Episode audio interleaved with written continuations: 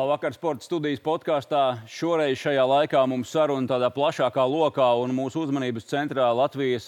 Nu, jāteic, laikam, tomēr pusprofesionālo klubu un līgu dzīvot spēja krīzes apstākļos. Tas būs mūsu sarunas fokusā, bet, protams, arī par to, kas ir veidojis eh, šo uh, pusprofesionālā sporta vidi Latvijā arī gadu gaitā. Un šodien man ir Laba kompānija, vīri, kas sportā jau ir gadiem, un sākšu ar īsu iepazīstināšanu. Edgars Severs, Izglītības un zinātnes ministrijas valsts sekretāra vietnieks. Labdien, Dārvid. Labdien, Edgars. Edgars Alažiņš saka, ka es neesmu politiķis, es esmu ierēdnis un es netaisu politiku, bet nu, turpat blakus viņš ir tajā lietā, un tieši tāpēc noteikti daudz varēs ar mums dalīties. Arnis Tunte ir volejbola cilvēks. Labvakar, Arni.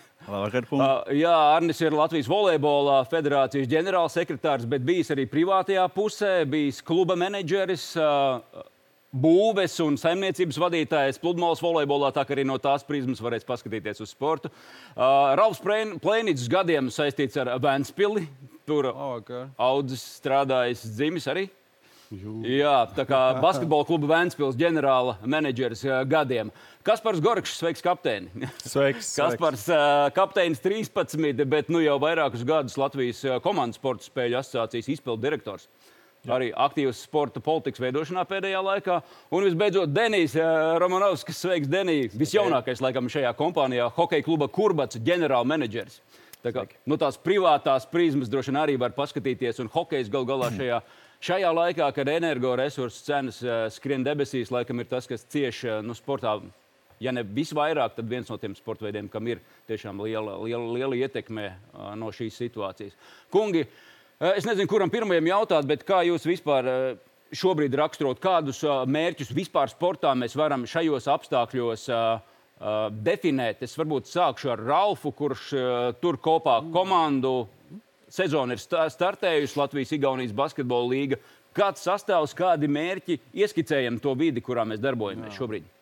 Nu, es pat nezinu, no kuras gala lai sāk. Ja? Man jau jāapdomājās trīs sekundes. Es domāju, nu, palielam uh, mērķis ir stādīt īstermiņu un samērā lokālus. Mm -hmm. Jo tā nenoteiktība un tā līnija, kāda ir pašlaik, tieši runājot par sporta klubiem, ja mēs domājam par kaut kādiem gadiem atpakaļ, viņi strauji iet uz leju.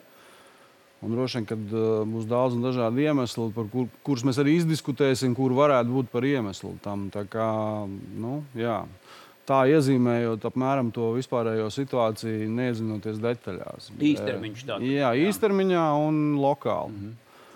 Tas, nu, es runāju par basketbola klubu Vēnspils vairāk, un es domāju par lielo vairumu to sporta organizāciju, kas strādā ārpus Rīgas. Iespējams, tā ir Rīgā. Tā situācija mazliet ir savādāka, bet es domāju, vairāk tuvu mūsējai nekā kaut kādai tur vispārējai labsajūtai. Ja? Kas attiecās uz basketbola sezonu, nu, jā, trešo gadu mēs strādājam tādā režīmā, kādā mēs strādājam. Mēs spēlējam tikai Igaunijas, Igaunijas Latvijas basketbola līgā. Un, nu, sapņojam par to, ka mēs varētu pakāpties pussolīt augstāk. Jā. Turpināsim ar Deniju uzreiz. Denija Kurbats, privāts hokeja klubs, otro sezonu spēlēs Igaunijā. Kā jūs nu, vispirms varbūt ar tām elektrības cenām? Kāda ir tā jūsu vīzija, cik ilgi? Uh, Vai jā. spēlēsim, kamēr uh, Kurbanam būs santīms kabatā? Jā, nu, līdz sezonas beigām mēs esam nodrošināti. Tas ir uh, vairāk kā skaidrs. Tagad sākam aktīvu gatavošanos, un uh, šo sestdienu jau sākās mums pirmā spēle. Tā kā visam esam gatavi un uh, esam gatavi iestartēt sezonu. Ar īstermiņu izturēt šo sezonu? Kurbats tomēr ir izcēlies ar, ar ilgtermiņa vīziju. Sācis mierīgi no amatieru kustības, izaudzis līdz profesionālajai Tagad gan spēlē Igaunijā, bet tas ir cits stāsts, to mēs vēlāk. Jā, nu, dzīvosim dienu no dienas, skatīsimies, nav ko skriet vilcienam pa priekšu, skatīsimies, kā aizvadīsim šito sezonu, kas mainīsies un kā viss bīdīsies uz priekšu. Arni, tava saimniecība sarukusi par vienu klubu, un tev, es tev zvanot, tu man uzreiz teici, nu, taču ne jau atkal, ne jau atkal par to, kāpēc tikai trīs klubi, bet īstenībā nu, tas ir tas uz dēlnes redzamais piemērs, ka sarūku meistaru komandu skaits Latvijas volejbolā. Jā, diemžēl tā arī ir, eh, ka vienu komandu mēs esam zaudējuši. Eh, es gribētu piekrist Ralfam, ka, eh, tiešām katru sezonu izdzīvo īstermiņa plānā, bet ar, ar, ar, katru sezonu beidzot notiek sarunas par to, kā mēs varam attīstīties. Un ir daudz blakus apstākļu, kas, kas to bremzē. Ir Covid, ir karš un, un tā jau trīs gadus, ne tikai Latvijas sports, bet viss vienkārši plānus atliek, mērķus atliek ar domu, ka izdzīvojam šo brīdi, šo, šo laiku, un nākošo gadu sākam nu, ar pilnu jaudu un, un ejam. Es gaidu to brīdi, kad mēs tiešām varēsim sākt ar pilnu jaudu un uh, attīstīt gan, gan dot iespēju klubiem, gan arī gan arī kā federācijas sponsoriem lielāku piesaistību. Bet šajā pirms Covid situācijā, nu, kad arī izlasē beidzot kvalificējās Eiropas čempionāta fināla turnīrā, nu, likās, nu, tagad ir jābūt bija tas brīdis, kad nu, likās, nu, tagad aizies. Vai, vai nav bijis tāda pārliecība, ka klubu tomēr aizmugurē ir pietiekami spēcīga? Brīdis bija. Es uzskatu, ka viņš varbūt līdz galam neizdevās realizēt viņu tā, kā vajadzēja. Bet, bet noteikti, ka eh, kustība ir par volejbolu, runā vairāk, par volejbolu dzird vairāk. Es ceru, ka mēs spēsim atgriezties Eiropas čempionātā un, un turpināt iesākt to. Mm. Kas par, protams, ir droši vien visvairāk asociējies ar futbolu. Kaut gan šeit noteikti var runāt arī, arī par, par citām komandas sporta spēlēm, bet ja futbolā nebūtu lielās UEFA tomēr piešķirtas arī prēmijas par iekļūšanu un starptautisku turnīru pamatturnīros, un tagad arī RFS stāsts. Ja nebūtu ārvalstu investoru, nu, faktiski vairumā no Krievijas, ja, nu, kas tad būtu ar Latvijas futbolu, ja mēs paņemam to nost? To es, es par to domāju. Es negribētu par to domāt. Bail domāt, ja? Bet taisnība tev ir, ka futbolam, atšķirībā varbūt no šeit pārstāvētajiem citiem sporta veidiem, ir tā privilēģija, ka šī naudas plūsma tiek nodrošināta no investoriem no, no, no ārvalstīm, nu, plus arī šis starptautiskās mācības organizācijas finansējums. Jo, ja mēs runājam par tādiem standarta trīs ieņēmumu avotiem, kas ir uh, spēļu dienu ieņēmumi, biļetes, saliņi un hotdogi, uh, TV ieņēmumi, kuru arī nav. Un, un šo lielo sponsoru ieņēmumu, kur mums ir nu, pašvaki, tad šī Eiropas, e, e, Eiropas futbola liela organizācija finansējums ir vitāli svarīgs, lai futbols varētu šajā laikā izdzīvot, un ne tikai izdzīvot, bet arī risināt kaut kādus šos savus attīstības mērķus. Vai ir kaut kādas sadarbības modeļi veidojas? Nu šajā, es nezinu, hokeja varbūt tas ir visaktuālākais. Vis, vis, vis Metamies kopā, spēlējam vienā hallē, vai tas vispār tā mēs varam domāt par lietām, vai tur nāk ķēdītē vēl bērnu sports, ko tad ar viņiem darīt?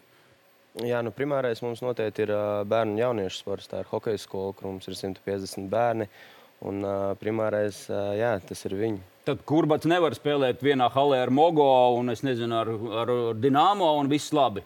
Un, jo jo aizslēgt pārējās halas ciet uz šo ziemu. Nu, aizslēgt noteikti nevajadzētu. Mēs esam par to, lai uh, vairāk halas ir vaļā, lai bērni visur var trenēties. Gan Rīgā, gan Liepājā, gan Ventspilī. Sadarbības modeļi kaut kādi ir iespējami atbalstīt vienam otru, vai tomēr katrs klubs un, un tas ir nu, jau pašā saknē, katrs par sevi. Futbolā Vēnspēlī kādreiz bija tāda ideja, ka mēs varbūt varam futbola klubu un basketbola klubu likt uz vieniem kaut kādiem marketinga pamatiem, jo mm -hmm. tās sezonas. Viņas, nepār, nu, viņas mazliet pārklājās, un tad varbūt tā būtu tā pozīcija, kas varētu strādāt uz abiem klubiem. Bet man patīk tavs jautājums Kasparam par kas būtu ar futbolu, ja nebūtu UEFA vai, vai FIFA ja, un krievi investori. Nu, tas ir tas pats stāsts, kas ar tantu un riteņiem. Ja. Tad būtu basketbols. Ja. Tad būtu basketbols, tad būtu uh, volejbols. Tad tieši tas arī būtu. Nu. Nu, bet jūs jau arī kādu ilgu laiku, tomēr nu, jums bija ļoti stabils partneris, pašvaldība. Jā, mums bija pašvaldība, vēl joprojām. Brīvosta. Paldies viņiem. Mums bija brīvost, kas bija nu, vienkārši fantastiska daļa no mūsu budžeta nu, tam mēs varam pieskarties vēlāk. Ja, kā, nu, droši vien, ka pieskarsimies vēlāk. Ja, un, un, kā, nu, jā, pagaidām mēs esam tāda tīra pilsētas komanda. Nu, tā kā nekas vairāk. Edgars, jā. Jā, sākotnēji atgriežoties pie jautājuma, jā, mēs kā volejbols liekam arī tieši tevis minētās spēles vienu pēc otras. Teiksim, Baltijas līga sadarbojās ar Nacionālo tiešā veidā, kad notiek, ja Daugopilī notiek, pieņemsim, Baltijas līgas spēle, pirms tam ir Nacionālā līga un iespējams arī kaut kādas jaunas, jo tad ir visi resursi tiek virzīti uz trijām spēlēm, teiksim, tiesnešu resursi, ja tur ir tiešais un ko un tādējādi mēs ir viens no variantiem, kā mēs mazliet optimizējam.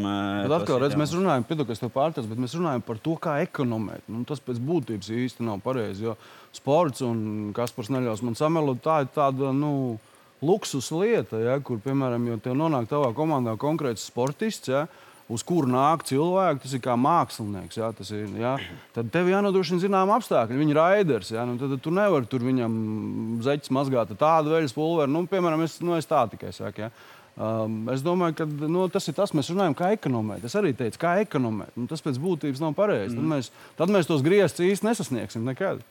Edgars, vai valsts rīcībā ir jebkādi mehānismi, kā palīdzēt klubiem un līgām. Jo nu, no vienas puses, jā, tā ir privāta iniciatīva, pašvaldību atbalsts, bet kas, kādi mehānismi ir valsts rokās, lai palīdzētu? Nu, es sākšu ar to, ka, protams, valsts prioritāte nav profesionāla sporta klubu veidošana, attīstīšana, uzturēšana. To mēs pieņemam. Prioritāte bērnu jauniešu sports. Un mēs arī mūsu tikko apstiprinātajā valsts sporta politikā to esam ļoti skaidri iezīmējuši. Tas ir jāapzinās. Tas, ko valsts var darīt, ir šis netiešais atbalsts caur nodokļu politiku. Nu, padiskutēsim 18. gada lēmumu un, un tik, tikko aprīļa sākumā veiktās izmaiņas, kas, kas, kas situāciju nedaudz uzlabo. Tāpat tas ir tiesiskais regulējums, kā piemēram profesionālu sportistu nodokļu kā, režīms, kas ļauj, piemēram, būt mazliet konkurētspējīgākiem šajos lielajos klubos, cīnot tādu nodokļu politikas bāzes. Jūs to izjūtat, kungi, kas, kas maksā algas? Protams. Nu, ja algas maksā lielāk, vairāk nekā 860 eiro mēnesī profesionālam sportistam, tad klubi to izjūt. Ja maksā mazāk, tad tieši otrādi tas regulējums viņiem ir par sliktu, jo nedrīkst maksāt mazāk par šo summu. Divām minimālajām. Nu, jā, tas pēc būtības kā, nākamais līmenis, protams, ir šis tiesiskais regulējums. Atceramies šo Covid laika stāstu, profesionāls sportists, neprofesionāls un tā tālāk. Ceturtais, protams, ir dot tiesības tiem, kas ir pie pašvaldības atbalstīt profesionālo sportu. Un šeit ir parlamentā tagad uz caurlūkošanu ir jaunais pašvaldību likums, kurš tiešā veidā piešķirs pašvaldībām tiesības, lai nav nekādu šaubu, ka pašvaldība ir tiesīga atbalstīt profesionālu sporta klubu darbību. Šobrīd tā kā, ir, tā kā nu, šobrīd ir teiksim, veselīgs dzīvesveids un sports, un līdz ar to ļoti dažādi vērtēt. Es skatos kontrolējušās iestādes un kopumā, kad uzskata, ka sākotnēji jānodrošina ir pilnīgi teiksim, tā, pamatlīmenis, un tikai pēc tam mēs ejam uz to piramīdas spici. Bet uh, šis regulējums jaunais, kas stāsies spēkā nākamā gada janvārī, dos tiesības pašvaldībām, vismaz no tāda likuma viedokļa, mazliet brīvāk lemt par atbalstu tieši profesionālām sportam. Tur, bet tur tāpat ir Eiropas regulējums, kas ierobežo un tā tālāk. Mm -hmm. Un ceturtā lieta, protams, ir uh, kopēja uh, piramīdas uh, apakšdaļa, virsdaļa, ko mēs runājam par šo bērnu jauniešu sporta skolu, sporta klubu sistēmu, kur valsts uh, vairāk kā pusi no valsts sporta budžeta šobrīd tiek veltīta uh, bērnu jauniešu sporta, sporta sagatavošanai, sporta klubos, sporta skolās, uh, kas nodrošina pedagoģa darba samaksu. Mūsu fokus ir galvenais uz šo piramīdas, teiksim tā, Uh, apakš, apakš noteikti uz augšu. Bet mēs lepojamies par augšdaļu, un mēs saprotam, ka bez augšas nebūs apakša. Un, protams, bez spēcīgiem klubiem, jaudīgiem nebūs arī, arī, arī izlaša konkurētspējas. Vai ir iespēja rast, jā, kas par? Nē, mazliet papildinot Edgars, man liekas, ka būtiski ir, nu, un arī tas, man liekas, ir forši, ka šajā diskusijā mēs esam nošķīruši to profesionālo, pusprofesionālo sportu no bērnu jauniešu sporta. Jo atrisinot, mēģinot atrisināt visas šīs problēmas, tad mēs tā kā suns pēc astes arī skriesim. Jā, jo, jo mēs... un, un, un visiem ir skaidrs, ka jā. bez bērnu jauniešu sporta nebūs profesionālais sports, taču mēs droši vien. Un šajā esam... gadījumā mēs to pusprofesionālo vēlētos redzēt profesionāli šai, šīs diskusijas kontekstā. Jā, nu, un, līdz to, un līdz ar to, ja mēs to atdalinām, tad uh, būtiski ir šī vidas sakārtošana, arī šī darba tiesiskās vidas sakārtošana lai uh, sportistiem nodrošinātu paredzamus un skaidrus apstākļus. Tā, tā manuprāt, ir uh, ļoti svarīga tēma. Otra svarīgā tēma ir šie kompensācijas mehānismi arī uh, šajā energokrīzes uh, laikā, lai tiešām klubiem būtu skaidrs un infrastruktūras uh, pārvaldītājiem būtu skaidrs, ar ko viņi var rēķināties. Nevis dzīvot Kādi ir kādā... priekšlikumi, ir nākuši kaut vai no sporta spēļu, komandas sporta spēļu asociācijas? Uh, nu, hokejā diezgan nopietni. Tā ir. Jā. Tur droši vien Edgars varēs daudz, daudz daudz, daudz, daudz labāk pamanīt. Nu, šaujam ārā, man liekas, tas ir ļoti svarīgi šajā brīdī, kā, kā sporta vide. Es varu būt, lai pabeigtu tas trešais, un, jā, un trešais ir uh, veidot kaut kādus šos te mehānismus, kādā veidā profesionāli uh, klubi var piesaistīt līdzekļus. Jo tā teikt, makšķera nevis zivs. Jo skaidrs, ka valstiski profesionālais sports nu, nebūs tā prioritāte, bet valstī ir jārada apstākļi, lai viņa nevis mēģinātu, jo, jo šobrīd, nu, ja mēs tā runājam, federācijām finansējums, es domāju, ka, ja atskaita UEFA un FIFA finansējumu, būt, ka 95% ir valsts finansējums. Līdz ar to valsts ir uzņēmusies tādu galveno sporta atbalstītāju lomu Latvijā kopumā. Un valstī būtu jāmēģina veidot kaut kādu šie mehānismi, lai tieši otrādi veicinātu privātu līdzekļu ieplūšanu sportā. Un tas man liekas ļoti būtiski. Jā, tur mēs droši vien arī nonāksim arī pie ziedojuma likuma, Aležiņa citētā, cik sportistiem runāt, pie tā mēs esam. Es gribēju papildināt nedaudz, vai nezinu, uzdot tādu retorisku jautājumu. Es domāju, ka šajā situācijā mums ir vajadzīgi ne, nu, papildinot Kasparu, ja, ne tikai makšķeri vai zivs, bet gan zivs, gan makšķeri. Ja. Jo ir, jā, nu, ir jāstrādā īstermiņā, kā es arī teicu, runājot par mērķiem. Jā, jo man nav atnācis vēl pirmais rēķins, jā, nu, sezona tikai sākusies. Jā, bet es reāli ar bažām gaidu. Jā, vai Olimpiskā centra Vēnspils pakalpojumu pieaugs. Man ir pilnīgi, pilnīgi saprotams, ka uz uh, mačiem es braukšu par, par dārgāku naudu. Man ir pilnīgi saprotams, ka paēdināt Igaunijā cilvēks, kur jau tā bija nenormāli salīdzinot ar Latviju, dārga, dārga pārtika. Ja? Ka man paēdināt cilvēks jau būs dārgāk. Ja? Kā... Ar Edgars mēs runājām, un Edgars man apskaidroja, apgaismoja, ka kaut kāds atsevišķs atbalsts sporta nozarei nu, pēc iepriekšējās darba principiem un politikas veidošanas mm principiem eh, Latvijā netiek pieļauts. Ka, ja piešķirsim atbalstu, tad pie, piešķirsim gan sportistiem, gan aktieriem, gan nezinu, medmāsām. Es mēģināšu izstāstīt, jā, tas, protams, arī mūsu uztrauc un valdība kopumā uztrauc, bet valdība ir veikusi ļoti konkrētas pasākumus saistībā ar šo energo krīzi, kas ir. Eh, un valdība šobrīd ir apstiprinājusi, un parlaments apstiprinājusi vairāk nekā 1 miljardu eiro kopā šo atbalsta paketi, eh, kāda veidā mūsu mājsainiecībām, un arī tā skaitā juridiskām personām, uzņēmumiem, arī sporta klubiem kopumā sniegšu atbalstu. Kas skar konkrēti sporta klubu? Nu, paņemsim vienu piemēru, piemēram, Ralfu, varbūt Olimpisko centru Ventspils drīzāk, tas būtu, būtu korektāk. Tad šobrīd faktiski tad OIK šis maksājums nav, un tas valsts izmaksā 24 miljonu eiro. Tā kā valsts to ņem uz sevi. Tad nākamais ir šī saucamā sadale pārdale, kas ir pa visu valsti kopumā 100, ne, bet, jā, 123 miljonu eiro valsts paņem šo sadalu, šo tarifu uz sevi. Un tad ir šis, šī pēdējā pakete, ko valdība atbalstīja parlaments pavisam nesen, ir šis arī juridiskām personām elektrības cenu kāpuma kompensācija, cenu fiksēšana pie 16 eiro centiem par kilovatstundu. Ja šī cena pārsniedz, un daudz kur viņa pārsniedz, tad pusi no šī sadārdzinājuma valsts ņem uz sevi, un tas kopumā valsts izmaksā 260 miljonu eiro. Un šeit nav būtiski, vai tas uzņēmums darbojās sporta nozarē, darbojās kādā citā apkalpošā sfērā vai kur citur, vai, vai kāds ražotājs. Tas ir horizontāls par tādu konkrētu atbalstu tieši nozarei sports šobrīd nav paredzēts. Pēdējais atbalsts bija uh, uz slēgtajiem uh, sporta hallēm, kas bija Covid laikā, bet tur bija ļoti konkrēts pamatojums saistībā ar valdības aizliegumu darboties, ka krīt apgrozījums, tāpēc valstī bet sporta bāzi jāturpina uzturēt. Kā, bet, protams, mēs sekojam, valdība kopumā seko līdzi situācijai. Arī, arī tikko vēlēšanās atteišās partijas ir paudušas arī gatavību arī turpināt monitorēt un sniegt atbalstu, ja tās būs nepieciešamas bet visdrīzāk viņš būs uh, horizontāls, nevis velkot un šķeļot mūsu, mūsu nozari. Mm -hmm. Jā, es domāju, ka tas attiecībā pret pārējām nozarēm saprotami, bet šeit pie galda ir sporta nozares cilvēki, kuriem noteikti ir jācīnās. Nu, jūsu darbs tas ir nu, kaut vai federāciju vai, vai apvienojošās organizācijas darbs.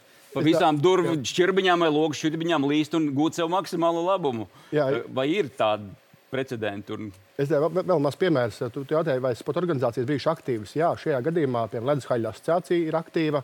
Vēl, atsevišķi arī konkrēti ir federācija, tas skatā šī fitnesa asociācija ir vērsusies pie valdības. Nu, piemēram, jautājums. Viens ir šobrīd ir šie lēmumi par elektroenerģiju šo kompensāciju, bet, piemēram, tādiem peldbasēniem vai tādām, nezinu, hallēm piemēram, volejbola hallēm, ir jautājums par šo siltuma elementiem, šo gāzes cenu. Šobrīd tur nekāda kompensācija juridiskām personām attiecībā uz gāzi nav. Nākamā lieta, piemēram, jautājums, okay, ja tiešā veidā nevar iedot to zivi, kā Kaspars teica, tad nozara šobrīd ir aicinājusi pie Latvijas asociācijas un arī šī fitnesa asociācija domāt, piemēram, nu, diskutēt. Tas gan ļoti, tāds, ļoti diskutabls jautājums par samazināt PVN, kur šobrīd atbildi ir nē arī no finanšu ministrijas puses, bet nākamais, piemēram, ir paplašināt šo attaisnoto izdevumu iespējas iedzīvotājiem, lai veicinātu, piemēram, ka viņš pats maksā uh, par savu sporta nodarbībām, paplašināt iespējas, ka valsts kompensē caur iedzīvotāju ienākumu nodokļu šo šo attaisnotie mm. izdevumi gada ietvaros vairāk nāk palīdzīgā. O, jā, kā, nu, ja tur hokeja nu, mamma maksā 300, nu labi, tagad maksājot hokeja vecāki, maksājot 220 eiro par, par treniņiem mēnesī. Nu, ja tur tā cena, nu, un, nu, cik mēs arī uzdevām jautājumus ar citu sporta studijā, cik jūs būtu gatavi maksāt, tad tur hokeja vecāks nu, līdz 300 eiro mēs būtu gatavi. Tas ir tikai pliks treniņu iespēja. Plus, protams, viss ekipējums, vešana, kas tur apaug. Labi, mēs runājam par dārgāko iespējamo sporta veidu, populāro Latvijā. Bet tā, tad, tas ir atbalsta mehānisms arī vecākiem. Ja, tas arī valsts tā, diezgan lielu naudas summu, lai kompensētu šos izdevumus, ir gatava nu, redz, investēt nu, redz, daudz, par šiem 300 eiro mēnesī. Nu, redz, sports dzīvo tādos, nu, tādos puses biznesa apstākļos. Skaidrs, ka, piemēram, sporta bāze Olimpiskais centrs Ventspils, būs spiests neatkarīgi no šiem valsts kompensācijām vai būs spiests celt pakalpojumu cenu. Līdz ar to jautājums ir, vai spējas samaksāt tas lietotājs. Mūsu vairāk uztrauc tieši bērni, jaunieši, šis, šie, šie vecāki, un vai viņiem joprojām būs iespēja savus bērnus sūtīt sportā. Un šeit ir jādomā, ja, ja ceļās šīs cenas un vecāku izdevumi ceļās, tad būtu loģiski kādā brīdī diskutēt par šo, ka tie attaisnotie izdevumi, ko valsts kā, gada ietvaros ņem uz sevi, viņi kāp, jo šīs iz, izmaksas aug. Kā pie, mēs mēs ieskrējāmies bērnu sporta virzienā, gribētu sašaurināt to mm -hmm. tomēr uz to profesionālo, pusprofesionālo līmeni, bet, nu labi, es Denijam pajautāšu tomēr par šo kompensācijas mehānismu, cik daudz tas izšķirs Kurbadam, Hallei dzīvotspējā, kā samazināsies rēķins pateicoties valsts kompensācijai. Šobrīd grūti atbildēt. Tas noteikti jāprasa finansistiem, kas mums kurbadā strādā. Bet, protams, jebkura palīdzība ir palīdzība, un tas kaut kādā veidā atvieglos dzīvi. Um, jā, ne tikai hokeja halēm, grūti arī pludmales volejbolam, jo minēšu vienu iemeslu, kāpēc. Jo, jo pludmales volejbolā Gribās siltas smiltiņas. Jā, un tā, un tā būs diezgan liela problēma, par, par kur tā bumba vēlsies, ticamāk. Jo, jo šobrīd ir tā, ka zāles principā lielākā daļa nav ieslēgusi siltumu.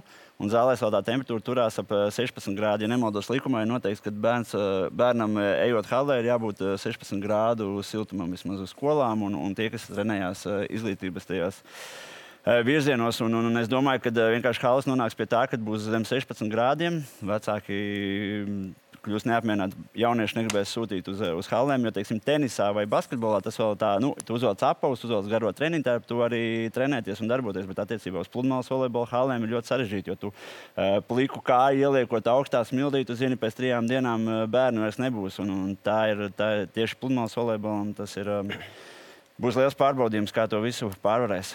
Uh, labi, par šīm izmaiņām, ko Edgars minēja, uh, Ralf, uh, nodokļu sistēma, tas, cik lielā mērā ir ietekmējis jūsu darbību profesionālā līmenī, algas, nodokļi. Mēs jau tur neko baigi nevaram mainīt. Mēs ne, mainīt, ne, bet nē, jū, nu, jūsu ziņā, situācija uzlabojas, pasliktinājas. Nu, nu, nu, man, grūti, man grūti pateikt. Nu, es labprāt maksātu mazāk nodokļus. Ja tā nu, visi, ja, nu, domāju, protams, nav nekas jauns. kā, tas nav nekāds jaunums. Es nekādu velosipēdu tagad jaunu jums neprezentēju. Ja. Nu, Vai tas ir attiecināms uz sportu vai nē? Nu, es esmu ļoti tālu bijis tādā ziņā, no valsts politikas pēdējos četrus gadus vispār nekāda informācija līdz manim nav atnākusi. Tāpēc, ka, nu, tāpēc, ka tāpēc ja. Uh, tiek dibināts kaut kādas pie saimnes uh, apakškomisijas, kaut kādas vēl komisijas, kaut kāda komisija bija tur rīkstiņš uh, nodibinājis. Ja. Es skatos, kas tur tajā sastāvā.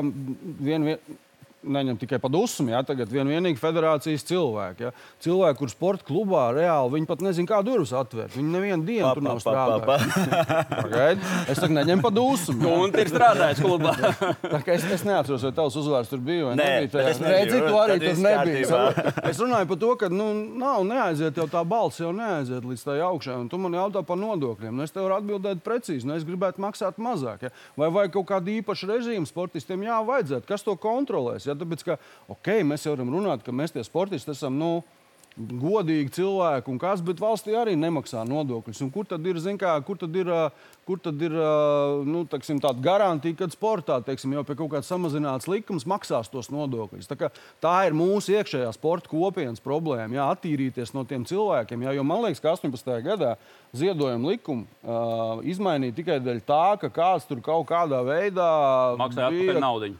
Es nezinu, nu, iespējams. Tas ir viens no, bet ne tikai. Tas nē, bija... nē, nu, bet kā viens no iemesliem, ja, kas nu, liecina par to, tad mums no tādiem arī jātiek vaļā. Ja, tad mēs godīgi maksājam. No, tā ir To sauc par konkurenci. Ja? Tad, ja, ja no nezinu, 12, nezinu, jebkāda sporta veida klubiem, ja, trīs maksā nodokļus pilnā apmērā, ja, un nezinu, pārējie visi tur izvairās kaut kādā veidā, vai samazina, ja, vai šmaucās, ja, nu, tad es atvainojos, tā ir negodīga konkurence automātiski. Tu vari parakstīt dārgāk spēlētājs, tu vari nezinu, atlicināt to nodokļu naudu kaut kam citam. Ja. Tā kā mums trešā daļa no budžeta aiziet nodokļos, pat vairāk katru gadu. Ja. Un tie ir nu, normāli cipari. Vai es gribētu viņus mazākus? Trešoreiz teiks, jā.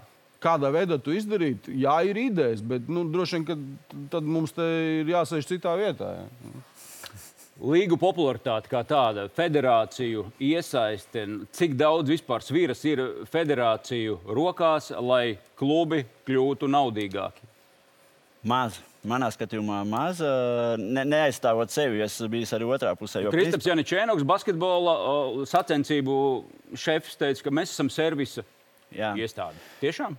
Nu, e, es tā arī uzskatu, jo, jo tu, principā līga jau savā veidā Droši vien, klubi teiktu, ka mēs velkamies līdzi līgai. E, kādu latiņu uzsāda līga, saka, kad e, kādu klubu piedāvā to produktu, tādu mēs esam spiesti viņu atspoguļot. Es konkrētāk varu runāt par volejbolu. Es teiktu, ka jā, kad, e, kad man tiešām prasās no, no klubiem teiksim, vairāk to neteiksim, pienesumu, bet, bet aktivitāti, lai, lai arī par Par volejbolu zina tikai teiksim, no federācijas, un ne, neasociējās visiem tikai volejbols ar federāciju, lai volejbols asociējās ar kādu lielu klubu, ar lielu notikumu, kas ir ārpus arī tā. Nu, ir, es runāju no federācijas aspekta šobrīd.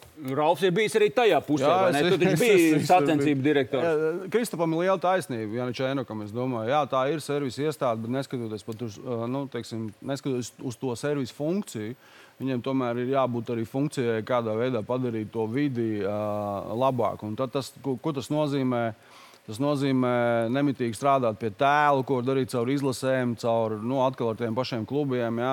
Tieši konkurējot starp sporta veidiem, tev ir jārūpējas par to konkurenci starp sporta veidiem, nu, lai cik tas dīvaini neskanētu. Ja, šeit, ja?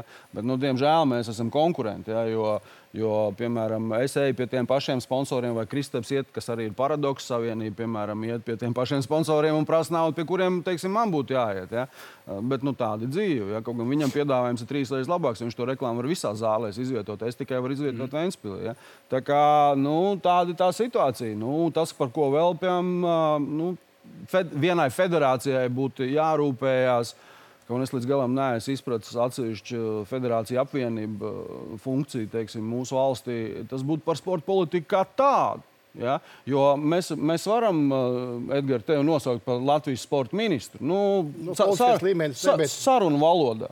Sarunu valoda, pareizi. Ja? Bet kultūrai, kas faktiski ir tāda pati, tāda pati izklaides industrijas sastāvdaļa, ir vesela ministrija. Es te uzdošu jautājumu, cik tev darbinieki tavā pakļautībā? Septiņi. Septiņi. Es nezinu, cik ir kultūras ministrijai.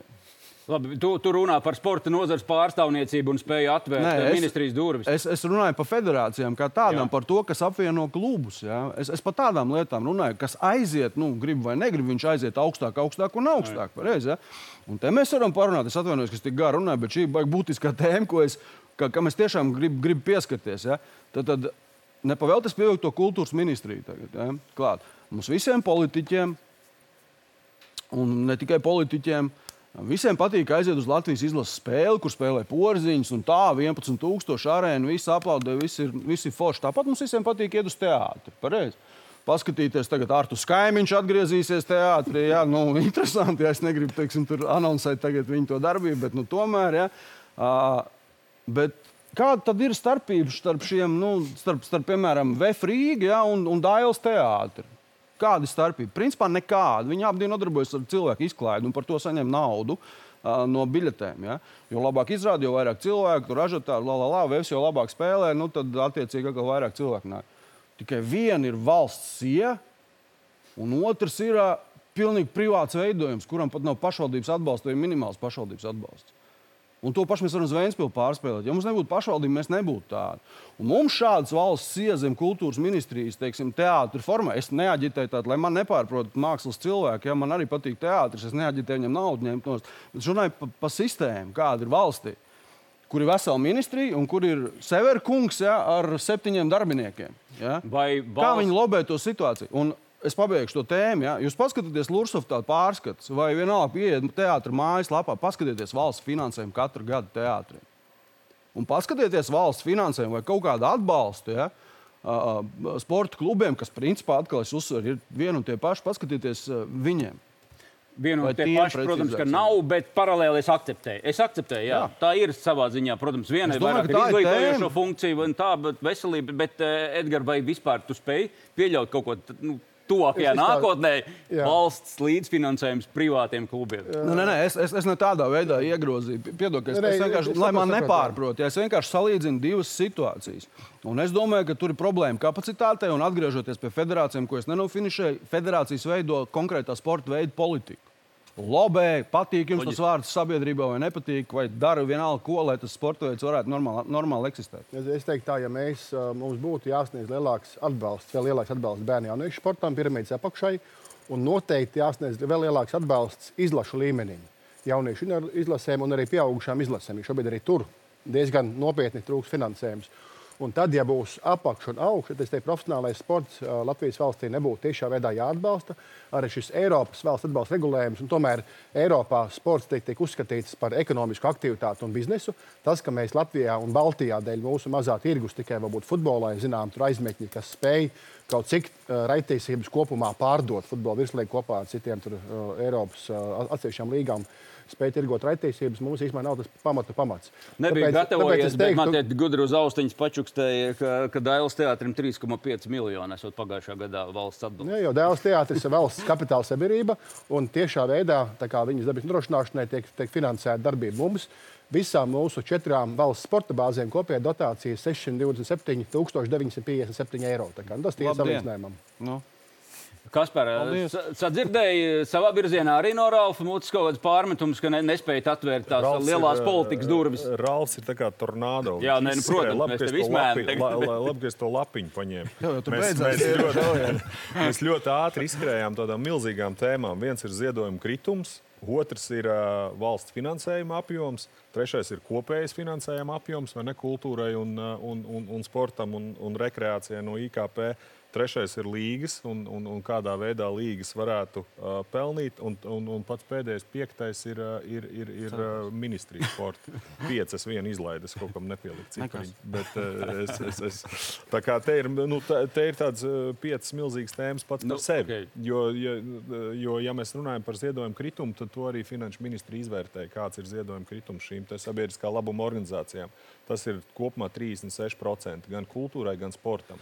No, no juridiskām personām vairāk kā 50. Tā kā tur šis iztrūkums sporta nozarei ir radies. Tā doma ieviešot šo nodokļu reformu sākotnēji bija apskatīties, kā viņi strādās, izvērēt, izvērtēt un piedāvāt mehānismus. Es domāju, ka nu ir varbūt laiks piesaistīt tiešām finansijas nodokļu ekspertus un skatīties, kādi šie mehānismi varētu būt. Vai tie ir Edgars pieminētie šie id- izdevumi vai kaut kādā citā. Ir skaidrs, ka pie sistēmas, kāda tā bija, mēs neatgriezīsimies. Tā tad ir jāmēģina ar Bet kas to iniciatīvu cilvēkiem. aiznesīs Edgaram? Uh, Ar tev Komandas sporta spēles atsevišķās federācijas vai- Mēs ik pa laikam apmainamies ar vēstulēm, un ar laipnībām un iniciatīvām. Tā Tad kā, nu, kā tā, viņš tie, tie galvenie, atvērt. galvenie, tāpat tās galvenie virzītāji spēki un uh, ir, ir šie NVO, kas ir stakeholderi galvenie. ā, Kas, nu, un tur arī mums ir tas galvenais uzdevums. Lai, varbūt lai mēs, bišķiņ, nu, mēs aizem tādā lielā politikā, kas ir bez, bez, bez šaubām ļoti svarīga, bet es pieļauju, ka varbūt ka tajā pusē ekrānam ir grūti izsekot. Es jums gribu pajautāt, kad bija labākie laiki sportam, klubam, federācijai?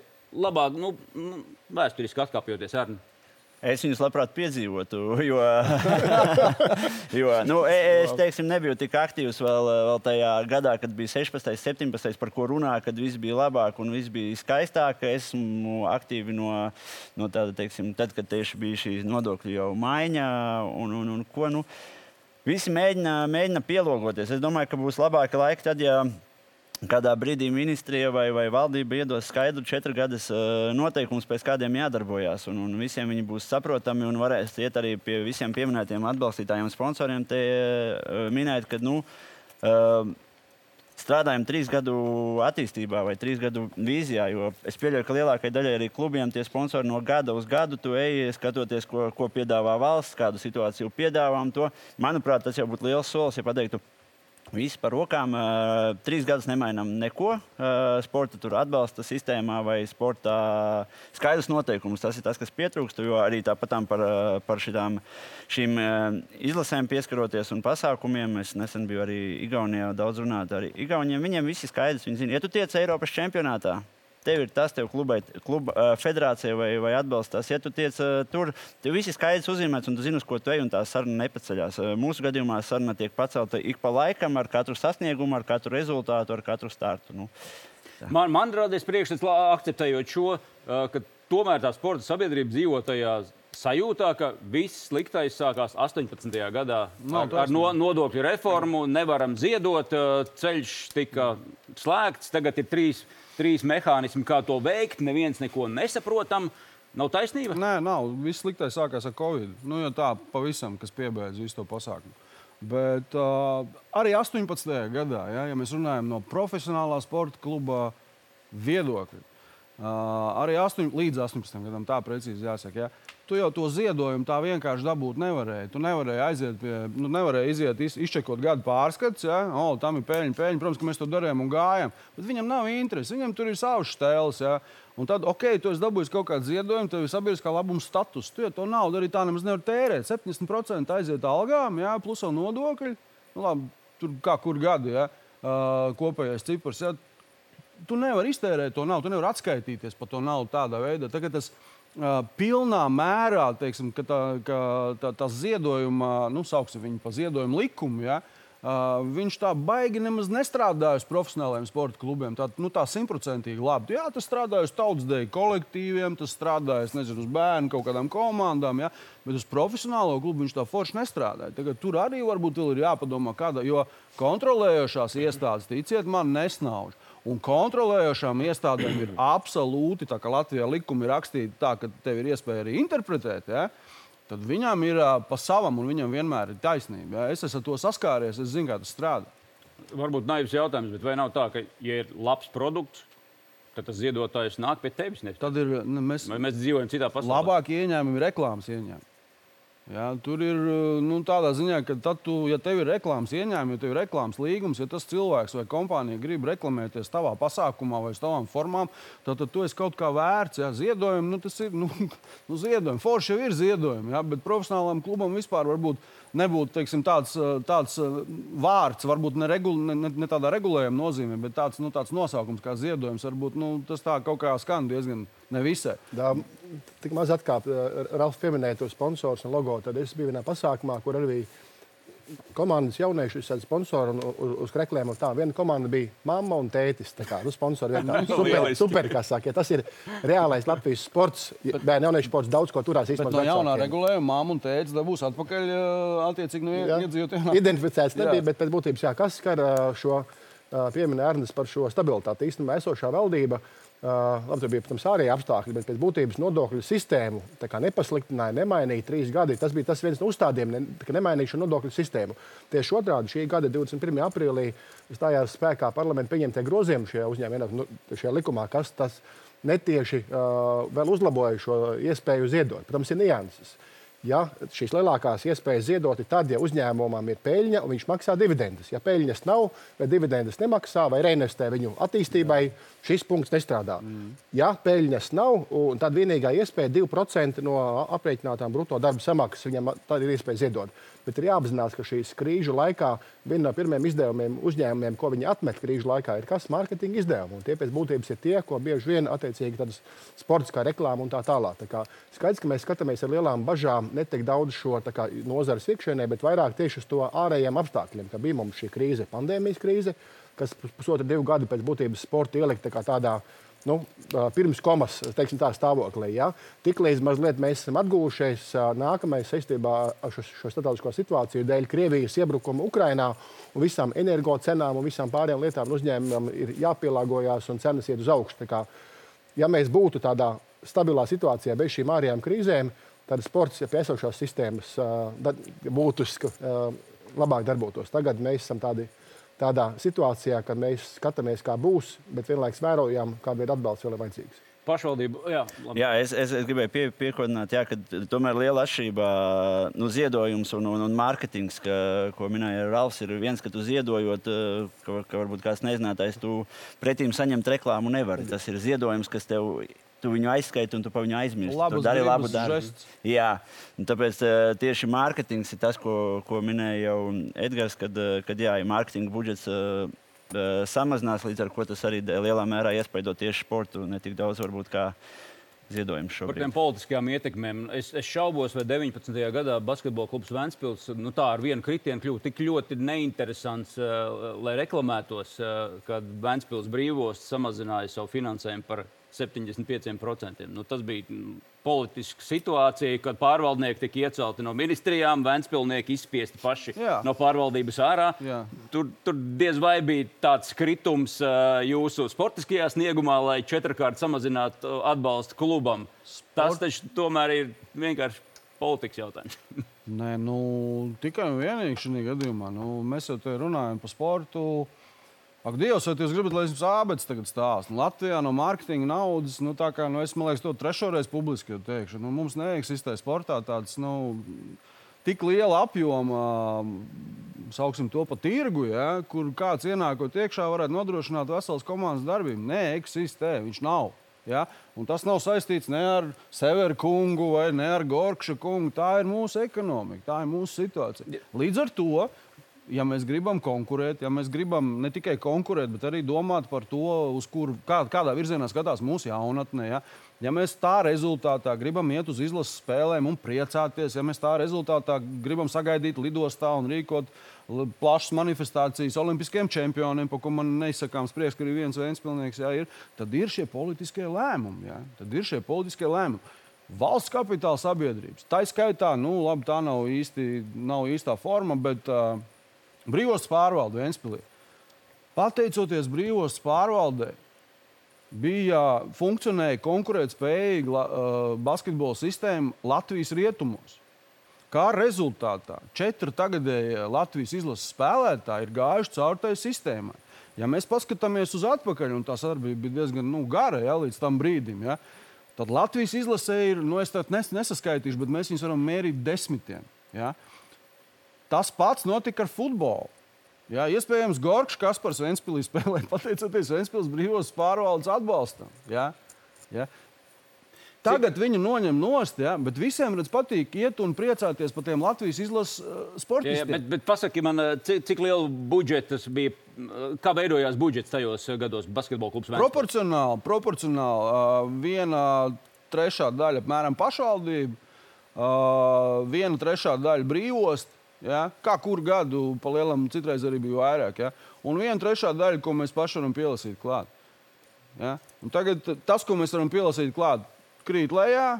Jā, jo nu, atkal mēs jau runājam, par ko es stāstu. Ja? Nu, Covid, tagad karš un viss tās lietas. Ja? Uh, brīvos te nav.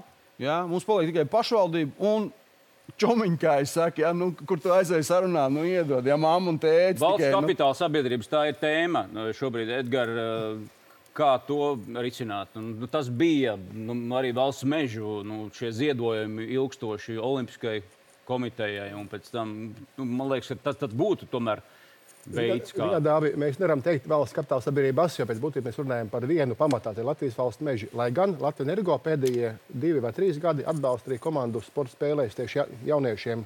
Ceru asociācija konkursu organizēja. Nu, tā Latvijas valsts meža ziedojums pēdējos gados ir ā, statistisks 2,2 miljonu eiro, ko mēs esam ļoti pateicīgi. Kad attiecīgi ar šo sistēmu, kad valdība dod iespēju uzņēmumam un uzņēmumam ir iespēja novirzīt uh, naudu 2,2 miljonu uh, sportam. Gan augstam sportam, gan arī tā, netik augstam sportam, si uh, sistēmai kopumā. Uh, Savulaik tie bija arī, bet tikai pirmajā gadā, kad to sistēmu ievies 2012. un 2013. gads aptuveni, tad bija arī Latvijas dzelzceļš, LZ Cargo, tā skaitā arī mm -hmm. šie uzņēmumi. Tas bija tikai vienu gadu, pēc tam palīdz tikai Latvijas valsts meži. Nu, es teiktu, ka kopumā tā situācija, kad daudz loģiskāk būtu nevis mums trīcēt, drebēt kā apšu lapām, gada beigās būs tas ziedojums vai nebūs, bet daudz loģiskāk būtu šo sistēmu. Pat ja šis ziedojums nav, viņu caur valsts sporta budžeta, tiešā veidā budžeta mehānismu piešķirt finansējumu sportam. Uh, gan šādā apmērā, gan nākotnē pat, pat lielākam apmēram. Bet jāapzinās tā reālā situācija, ka nākamie divi, trīs gadi nebūs valstī viegli. Ir daudz būtiskākas prioritātes, lai arī cik mums tuvs sports, arī būtiskākas prioritātes par nozari sports. Un sporta nozarei ļoti būtiski papildus daudzu miljonu eiro finansējums sporta klubiem un izlasēm. Tā tālāk drīzāk būs eh, samērā grūti. Tāpēc ir jādarbojas esošās sistēmas ietvaros un, kā jau teicu, jāmeklē šie veidi, kādā veidā dot kas par vārdiem runājot, šo makšķeri, varbūt vēl garāku makšķeri, lai var tālāk aizmest tās zivis, iespējams, tā tūmā viņas ir tik izmakšķerētas, vēl kādu spoli pielikt klāt, kādu laivu iedot, lai var aizbraukt ar šo laivu upes vidū.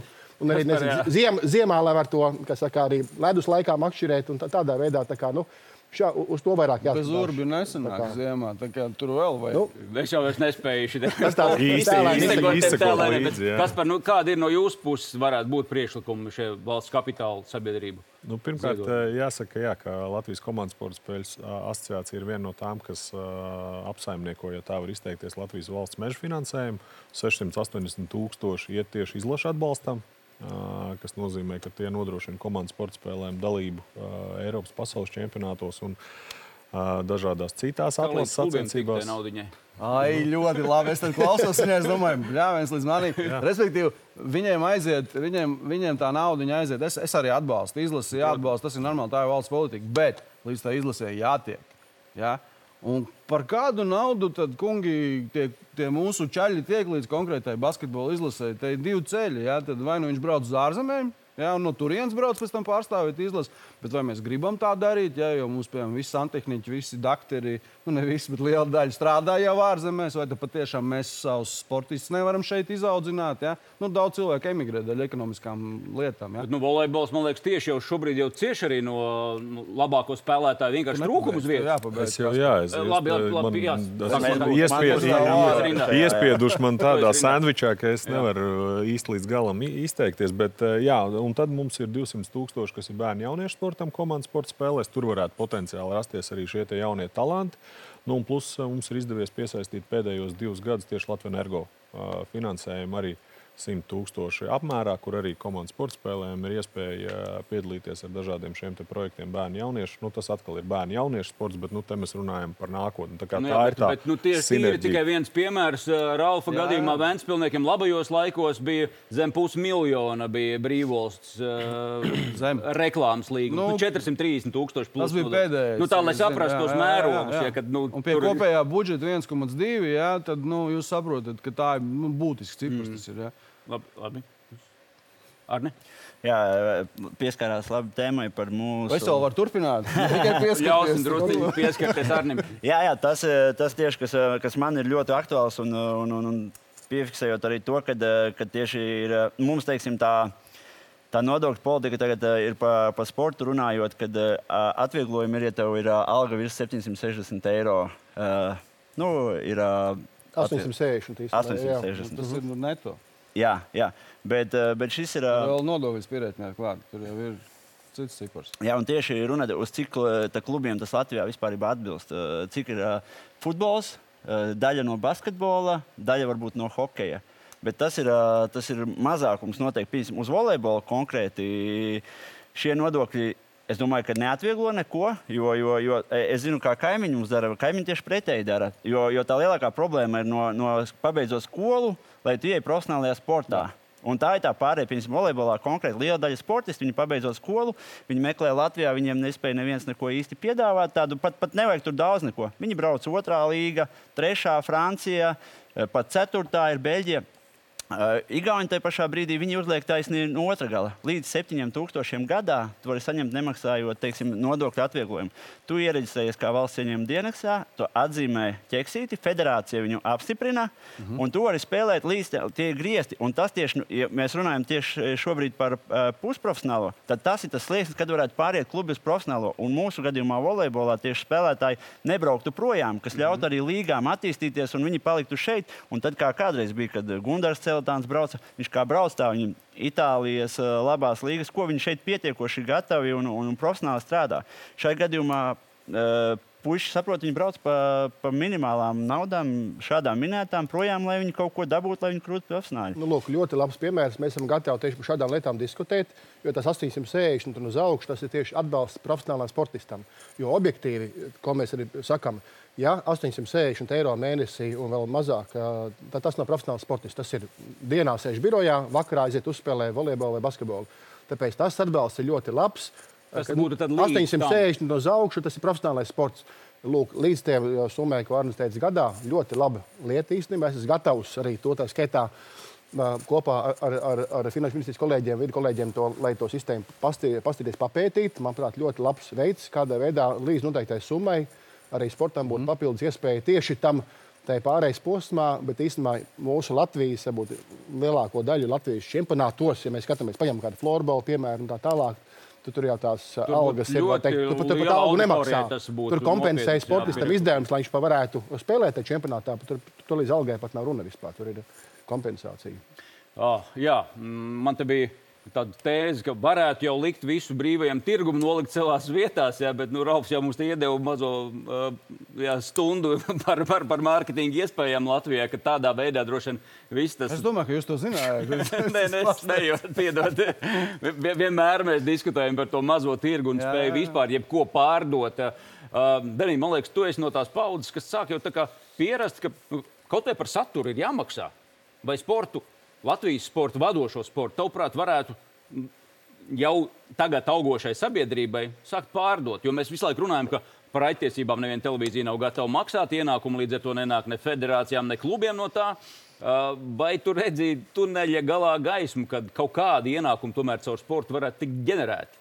Jā, nu, tur pašiem ir jāstrādā. Tas ir uh, smags darbs, uh, mārketings, sociālajie tīkli. Visas tās platformas šobrīd mums Igaunijas čempionātā ir tā, ka uh, mājas spēles pārēda mums Igaunijas čempionāts, Igaunijas federācija. Un, uh, Nu jā, varbūt ar laiku kādreiz kaut kad sanāks kaut ko tādu izveidot. Cik tev, prāt, būtu cilvēki, kas būtu gatavi nopirkt kurbadu spēli? Redz, skatoties, cik daudz strādā pie tā, ja skatās konkrēti par mums, par Hokeja klubu Kurbats, mēs esam ļoti aktīvi darbā ar sociālajiem tīkliem un ar skatītājiem. Mēģinām taisīt šovu spēles laikā, tāpat arī sociālajos tīklos. Un, es domāju, ka cilvēki ir ieinteresēti un tā atsaucība mums ir diezgan liela. Ja mēs Igaunijas čempionātā varam savākt pilnu hāli, tad es domāju, ka tas ir labs rādītājs. Kā tur strādā ar faniem? Tur ir vairāk līdzjutēji arī tur, tajā čempionātā, tajā pusē Igauniju. Jā, ir Igaunijā. Tur gan mazāk strādā ar tiem faniem. Bet jā, arī tur ir atsaucība. Hāles, nu neteikšu, ka ir pilns, bet dažas. Lai gan tas sportiskais līmenis ir jaušami zemāks nekā Latvijā.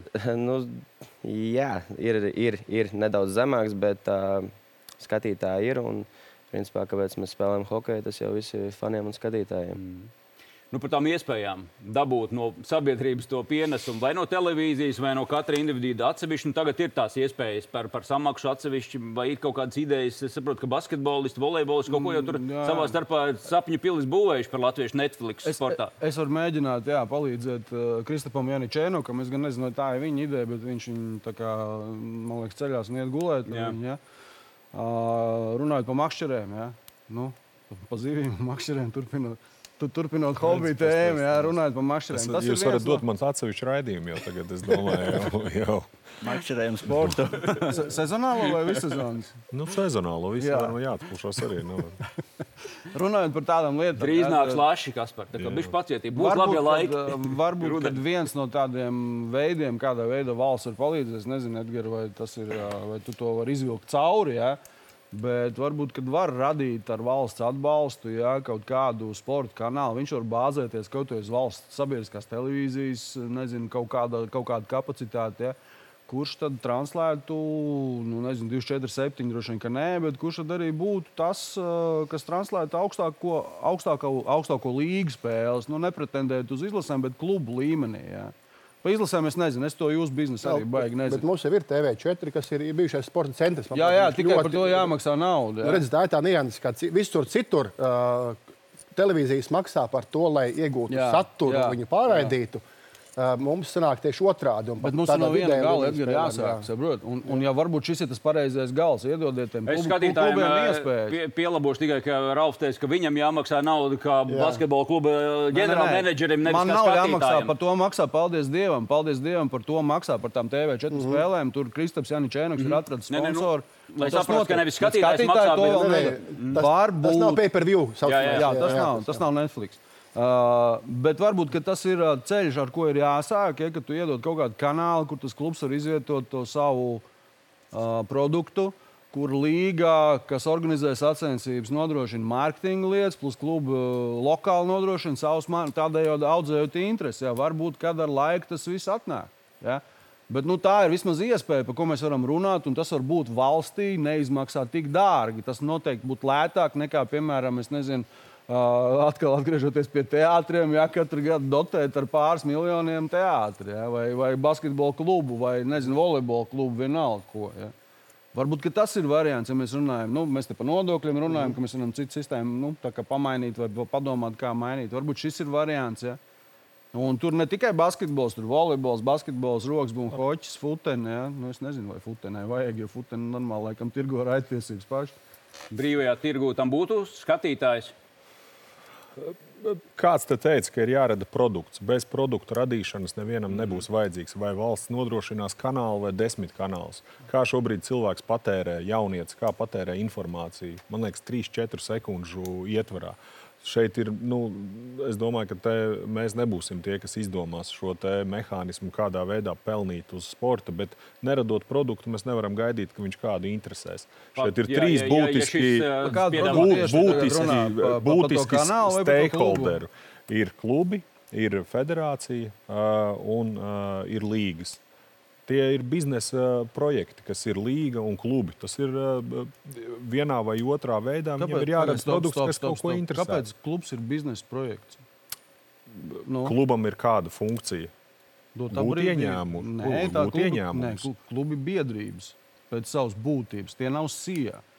Nu, tā ir vēl viena problēma, par ko mēs varam runāt. Jā. Nu, profesionāls un, kas, un, un biedrība kāda... peļņu nedrīkst. Nu, biedrība nestrādā ar peļņu. Biedrība faktiski nodrošina. Nu, šeit darbību. mums ir Latvijā acīm redzot pavisam savādāks veids, kādā veidā mēs saprotam profesionālu sportu. Jo profesionāls sports tā ir tīra ieņēmuma gūšana. Tie ir trīs lielie vaļi, uz kuriem būtu jāmēģina Jā. gūt ieņēmums, kas ir televīzija, ziedojumi un skatītāji. Un, acīm redzot, ja mēs nevaram šo ģenerēt, tad skaidrs, ka arī plašākai publikai tas nav interesanti. Tā tas, ka mēs tīri emocionāli gribam, lai tā būtu, tā labi, un, un, un, un pašvaldībām uh, varbūt ir stratēģijā šāda kluba nepieciešamība, nezinu, reģiona atpazīstamība vai kādam citam šim emocionālam, bet pašos pamatos uh, viņš ir uh, jārada tāds, lai viņš spētu būt. Kur jūs saskatāt, varbūt, varbūt vainu arī sevī skatoties spogulī, visu nu labi, varbūt, uh, veidojot šo produktu? ilgtermiņš, pacietība, um, lokāla patriotisms, uh, kluba vīzijas veidošana gadu gaitā. Jo nu, šie īstermiņa projekti, nauda ir, nauda nav, viss klubs ciet uz redzēšanos. Uh, Neveidojas varbūt arī tās spēlētāju paudzes, kur katrā, katrā miestā ir tas savs varonis, nu, lai tas no paudzes paudzē arī paliktu. Un tad tas produkts paliek dzīvot spējīgs grūtos un labos. Es, ja drīkst, tu, turpināšu uh, mazliet par šo. Nu, es domāju, ka kaut kādā mērā mēs esam arī iestrēguši pagātnē. Nu, mēs uz tiem mehānismiem skatāmies, nu, ka mums ir brīvostē jānes nauda. Nu, es atceros, kā mums Vēnspīlī bija. Visi nostājās, visi ģeķis, tā kā Krustāva filmās apnāca, nolika to naudu. Nu, tādā veidā tie klubi pastāvēja. Vai tas ir pareizais veids, kā mūsdienās uh, ir iespējams uh, uzturēt profesionālu komandu? Es stipri šaubos. Kā bija Vēnspīlī? nu. Tā, viens piemērs mums bija pirmdienas Sižetā sporta studijā. bija viens brīnišķīgs uh, piemērs par kauņu žēlgiem, bet tur bija arī piemērs arī par, par, par Lietuvas futbola stāstu. Tieši to, ka nevajag balstīties uz vienu vai divu, lai gan mums ļoti labi uh, Pikāna kungs, uh, Kurbadā, mēs varam LNK piemēru teikt, vai Rīgas FC piemēru, vēl kādu piemēru, bet uh, pēc būtības ir tā, ja skatītājs nav gatavs par to maksāt, ka pieauguši vīrieši un dāmas skrien pa to laukumu, dzenā bumbu vai tur hokeja ripu, uh, Tāpēc būtības mēs varam teikt, ka tur ir tāds milzīgs sociāls mērķis un jauniešu sports un tā tālāk. Bet jauniešu sportam mums ir uh, apakša pēc būtības. Ja par to profesionālo sportu, tāpēc mēs nekad nerunājam, ka mums ir profesionāls sports Latvijā. Pēc būtības viņš mums nav. Mēs esam ceļā uz pusprofesionālu stāstu, varbūt izņemot futbola virslīgu, kas ir šis vienīgais labais piemērs, kas pēdējos gados pārņem šos labos piemērus no Eiropas futbola līgām. Tur mēs redzam, ka pēdējos gados iet uz augšu un attīstās tas stāsts. Un tas, ko Kaspars teica, ir ļoti liela uh, patiesība par to, ka mēs dzīvojam vēl pagātnē, ka kādam no malas pašvaldībai vai valstī kaut kam būtu jānodod, bet tam apakšā nav kaut minimāls pusbiznesa princips. Uh, kur uh, tad mums ir tādi piemēri, kā Ogrē, brīnišķīgs piemērs, Ogres basketbola klubs, pats esmu no Ogres. Jā, uz lokāla, uz lokāla patriotismu, bet pašvaldība finansē, bet vienlaikus apakšā basketbola sporta skola ir, kas veido piramīdu un tā tālāk. Bet, uh, nu, kā, bet vienlaikus jākonkurē tagad ar, Edgar, ar, ar, ar Prometēju, piemēram, nu, kur ir miljoni klubs atnāk pretī un dabūna 50 punktus mīnusā, kā piemēram. No Tas nav tikai spēlēm. uh, ogres modelis. Līdzīgs ir arī Vēnspilsnes modelis ar Mhm. savām piramīdām, ar savu sociālo funkciju, ko es nesen apakaļ arī publiski Mhm. pateicu, ka nu, Kasparam ir taisnība. Bet es negribu piekrist par to pagātni. Pa lielam katrai teiksim, pašvaldībai viņai ir savs redzējums, kādā veidā viņa attīsta savu, nezinu, kādā veidā viņa piepilda savu dzīvi, ja tā var teikt. Ja? Ja, ja Vēnspils pašvaldība, piemēram, ir izvēlējusies, kā es to redzu, ja viņi ir izvēlējusies attīstīt sportu un kultūru un stādīt puķus, tad ļaujiet viņai to darīt. Bet tam visam ir jāņem kaut kāda ieņēmuma. Man tikai tajā Nu. vīzijā gribās nošķirt, vai tad biedrība vai SIA, uz ko mēs ejam, kas būtu pareizāks. Mēs- Bezpeļņa vai peļņa? Tur ir vesela čūpa ar likumiem, kur tu nevari Nē, nē, bet, sī- bet tu- kā tu- būtu jābūt? Nu? Tas ir, ta- tas ir tas stāsts, par ko mēs runājam. Varbūt, kad var, es, es tikai ieskicēšu, ja, kaut kādu speciālu normu uh, uztaisīt sporta biedrība vai sporta sija, kur ir atsevišķs regulējums. Tāpēc, es jums vēlreiz saku, ir ļoti liels problēmas ar uh, likuma interpretāciju starp klubu, kurš reāli strādā ikdienā, ja, un neko nešmaucās un nepārkāpj, un valsts ieņēmuma dienas. Mēs esam Jo- pētījuši, teiksim, tā vislabākā forma bija saliekta bezpeļņas sijā īstenībā. Tas bija formāts. Biedrībām redzēt tādu niansu, ka biedrības senēšana darbība ir tiesīga veikt, bet tikai savu mērķu sasniegšanai un pēc būtības nu, uh, savu cēlo sociālo mērķu nodrošināšanu. Skaidrs, ka jo klubs kļūst profesionālāks un teiksim, maksā nevis uh, sociāls uzņēmums, tur maksā uh, algu mazu, bet teiksim, maksā de, tūkstošiem un pat vairāk, desmitiem tūkstošiem algas. Tad vai tā ir biedrība? Īsti jau vairs nē, forma joprojām jā. Viens piemērs būtu Rīgā. Bija, bija nodibinājums, arī tagad pārgājis biedrības formātu un tā tālāk. Bet tas pats lejušu piemērs ir kāds cits piemērs. Uh, ir jau iespēja, nu šobrīd sanāk tā, ka biedrībai, teiksim tā, pēc būtības, laikam Dienāmo to gribēja vienā brīdī stāvēt, bet, bet, bet neizdevās uzsākt. Pēc idejas, ka līdzjutēji ir daļa no kluba, tā skaitā arī daļa no līdzīpašnieku klubam. Manuprāt, Eiropas futbola komandās vairāk piemēru, kur ir pēc būtības ir, uh, kur ir daudzi, daudzi akcionāri šim Nu jā, klubam, tā arī kas nav kas viens vai divi, trīs miljonāri, bet uh, tiešām daudz līdzekļu, kas iegūst zināt priekšrocības, saikni ar šo klubu un tādiem veidos tradīciju. Bet tas, Mēs protams, ir tāds nākotnes modelis. Mēs jau runājam par to, ka. Nu, Vebs ir laikam to piemēru sāk. Mēs jau runājam par to, sēžot ap šiem diviem kungiem. Ja? Mēs jau runājam par to, ka uh, mēs jau gribam konkurēt. Mēs jau gribam izskatīties labi uz Eiropas fona, uz, uh, kā Kaspars saka, uz, tā, uz tās nākotnes fona. Ja? Nu, labi, mēs dzīvojam tur pagātnē un domājam, bet mēs ņemam no tās situācijas, kāda viņa dotajā brīdī ir, visu to, ko mēs varam paņemt. Ja? Pateicoties uh, kaut kādiem lēmumiem. Ja? Un, ja tos pašus vēl nīcina nost kaut kādu tur ārpus, nezinu, da jebkāda iemesla pēc, tad ir, tad ir šausmīgi grūti konkurēt. Ja? Kurš no jums bija uz Latvijas izlases spēli? Piemēram, es netiku. Man nebija biļete. Jā, man nebija Kas biļete. par tevi bija kaut kas sakāms? Jā, maz replika. Es nevienā brīdī Ralf nesaku, ka jā, nav jāatbalsta pašvaldība. Es domāju, ka tieši pašvaldība varbūt ir tā, kur var ve- veidot kaut kādus šos mehānismus. Es, piemēram, ikdienā ā, darbojos jūrmā, un tur pašvaldība ļoti skaidri ir noteikusi prioritātes, un attiecīgos sporta veidos viņi arī ir gatavi atbalstīt profesionālas, pusprofesionālas komandas. Tas ir pašvaldības lēmums. Jā. Viņi skatās, kā tam piesaistīt, piesaistīt līdzekļus. Tas ir iekļauts viņu vidus un ilgtermiņa stratēģijās. Viņa mazliet uzņemās to funkciju, ko valsts domāja uzņemties par prioritāro sporta nodalīšanu, bet viņi to izdara pašvaldības ietvarā. Mm -hmm. Un līdz ar to skaidri pasaka, kuri būs tie sporta veidi, kur var rēķināties ar lielāku, mazāku finansējumu. Un, attiecīgi, no šī finansējuma tad arī veido šīs komandas. Tā kā pa pašvaldību lomu tā droši vien ir vēl viena milzīga tēma, kas tur Uh, viennozīmīgi, jo tur mēs varam runāt par šiem emocionāliem faktoriem, ko tu saki, kas ir šī atpazīstamība, kaut kāds lokāls patriotisms, kas arī izskanēja šovakar. Un, nu, tās ir pilnīgi leģitīmas tēmas, lai mēs apspriestu arī kontekstā ar profesionālo Ai, pusprofesionālo. paldies, kungi. Sanāca drusku smagāk nekā es biju iedomājies, ja godīgi. Mēs tik daudz uh, likumdošanas virzienā šodien gā- gājām. Gribējās vēl vairāk akcentēt, varbūt arī to tīri sportisko pusi. Un, jo ir, ir, ir daudz tādu piemēru, par kuriem es arī šeit gatavojoties, šūpoju galvu. Nu, tas pats, kā pazaudēt hokeja klubu Liepājā, piemēram, vai Vēnspilī, futbola klubu vai Jelgavā, volejbolu.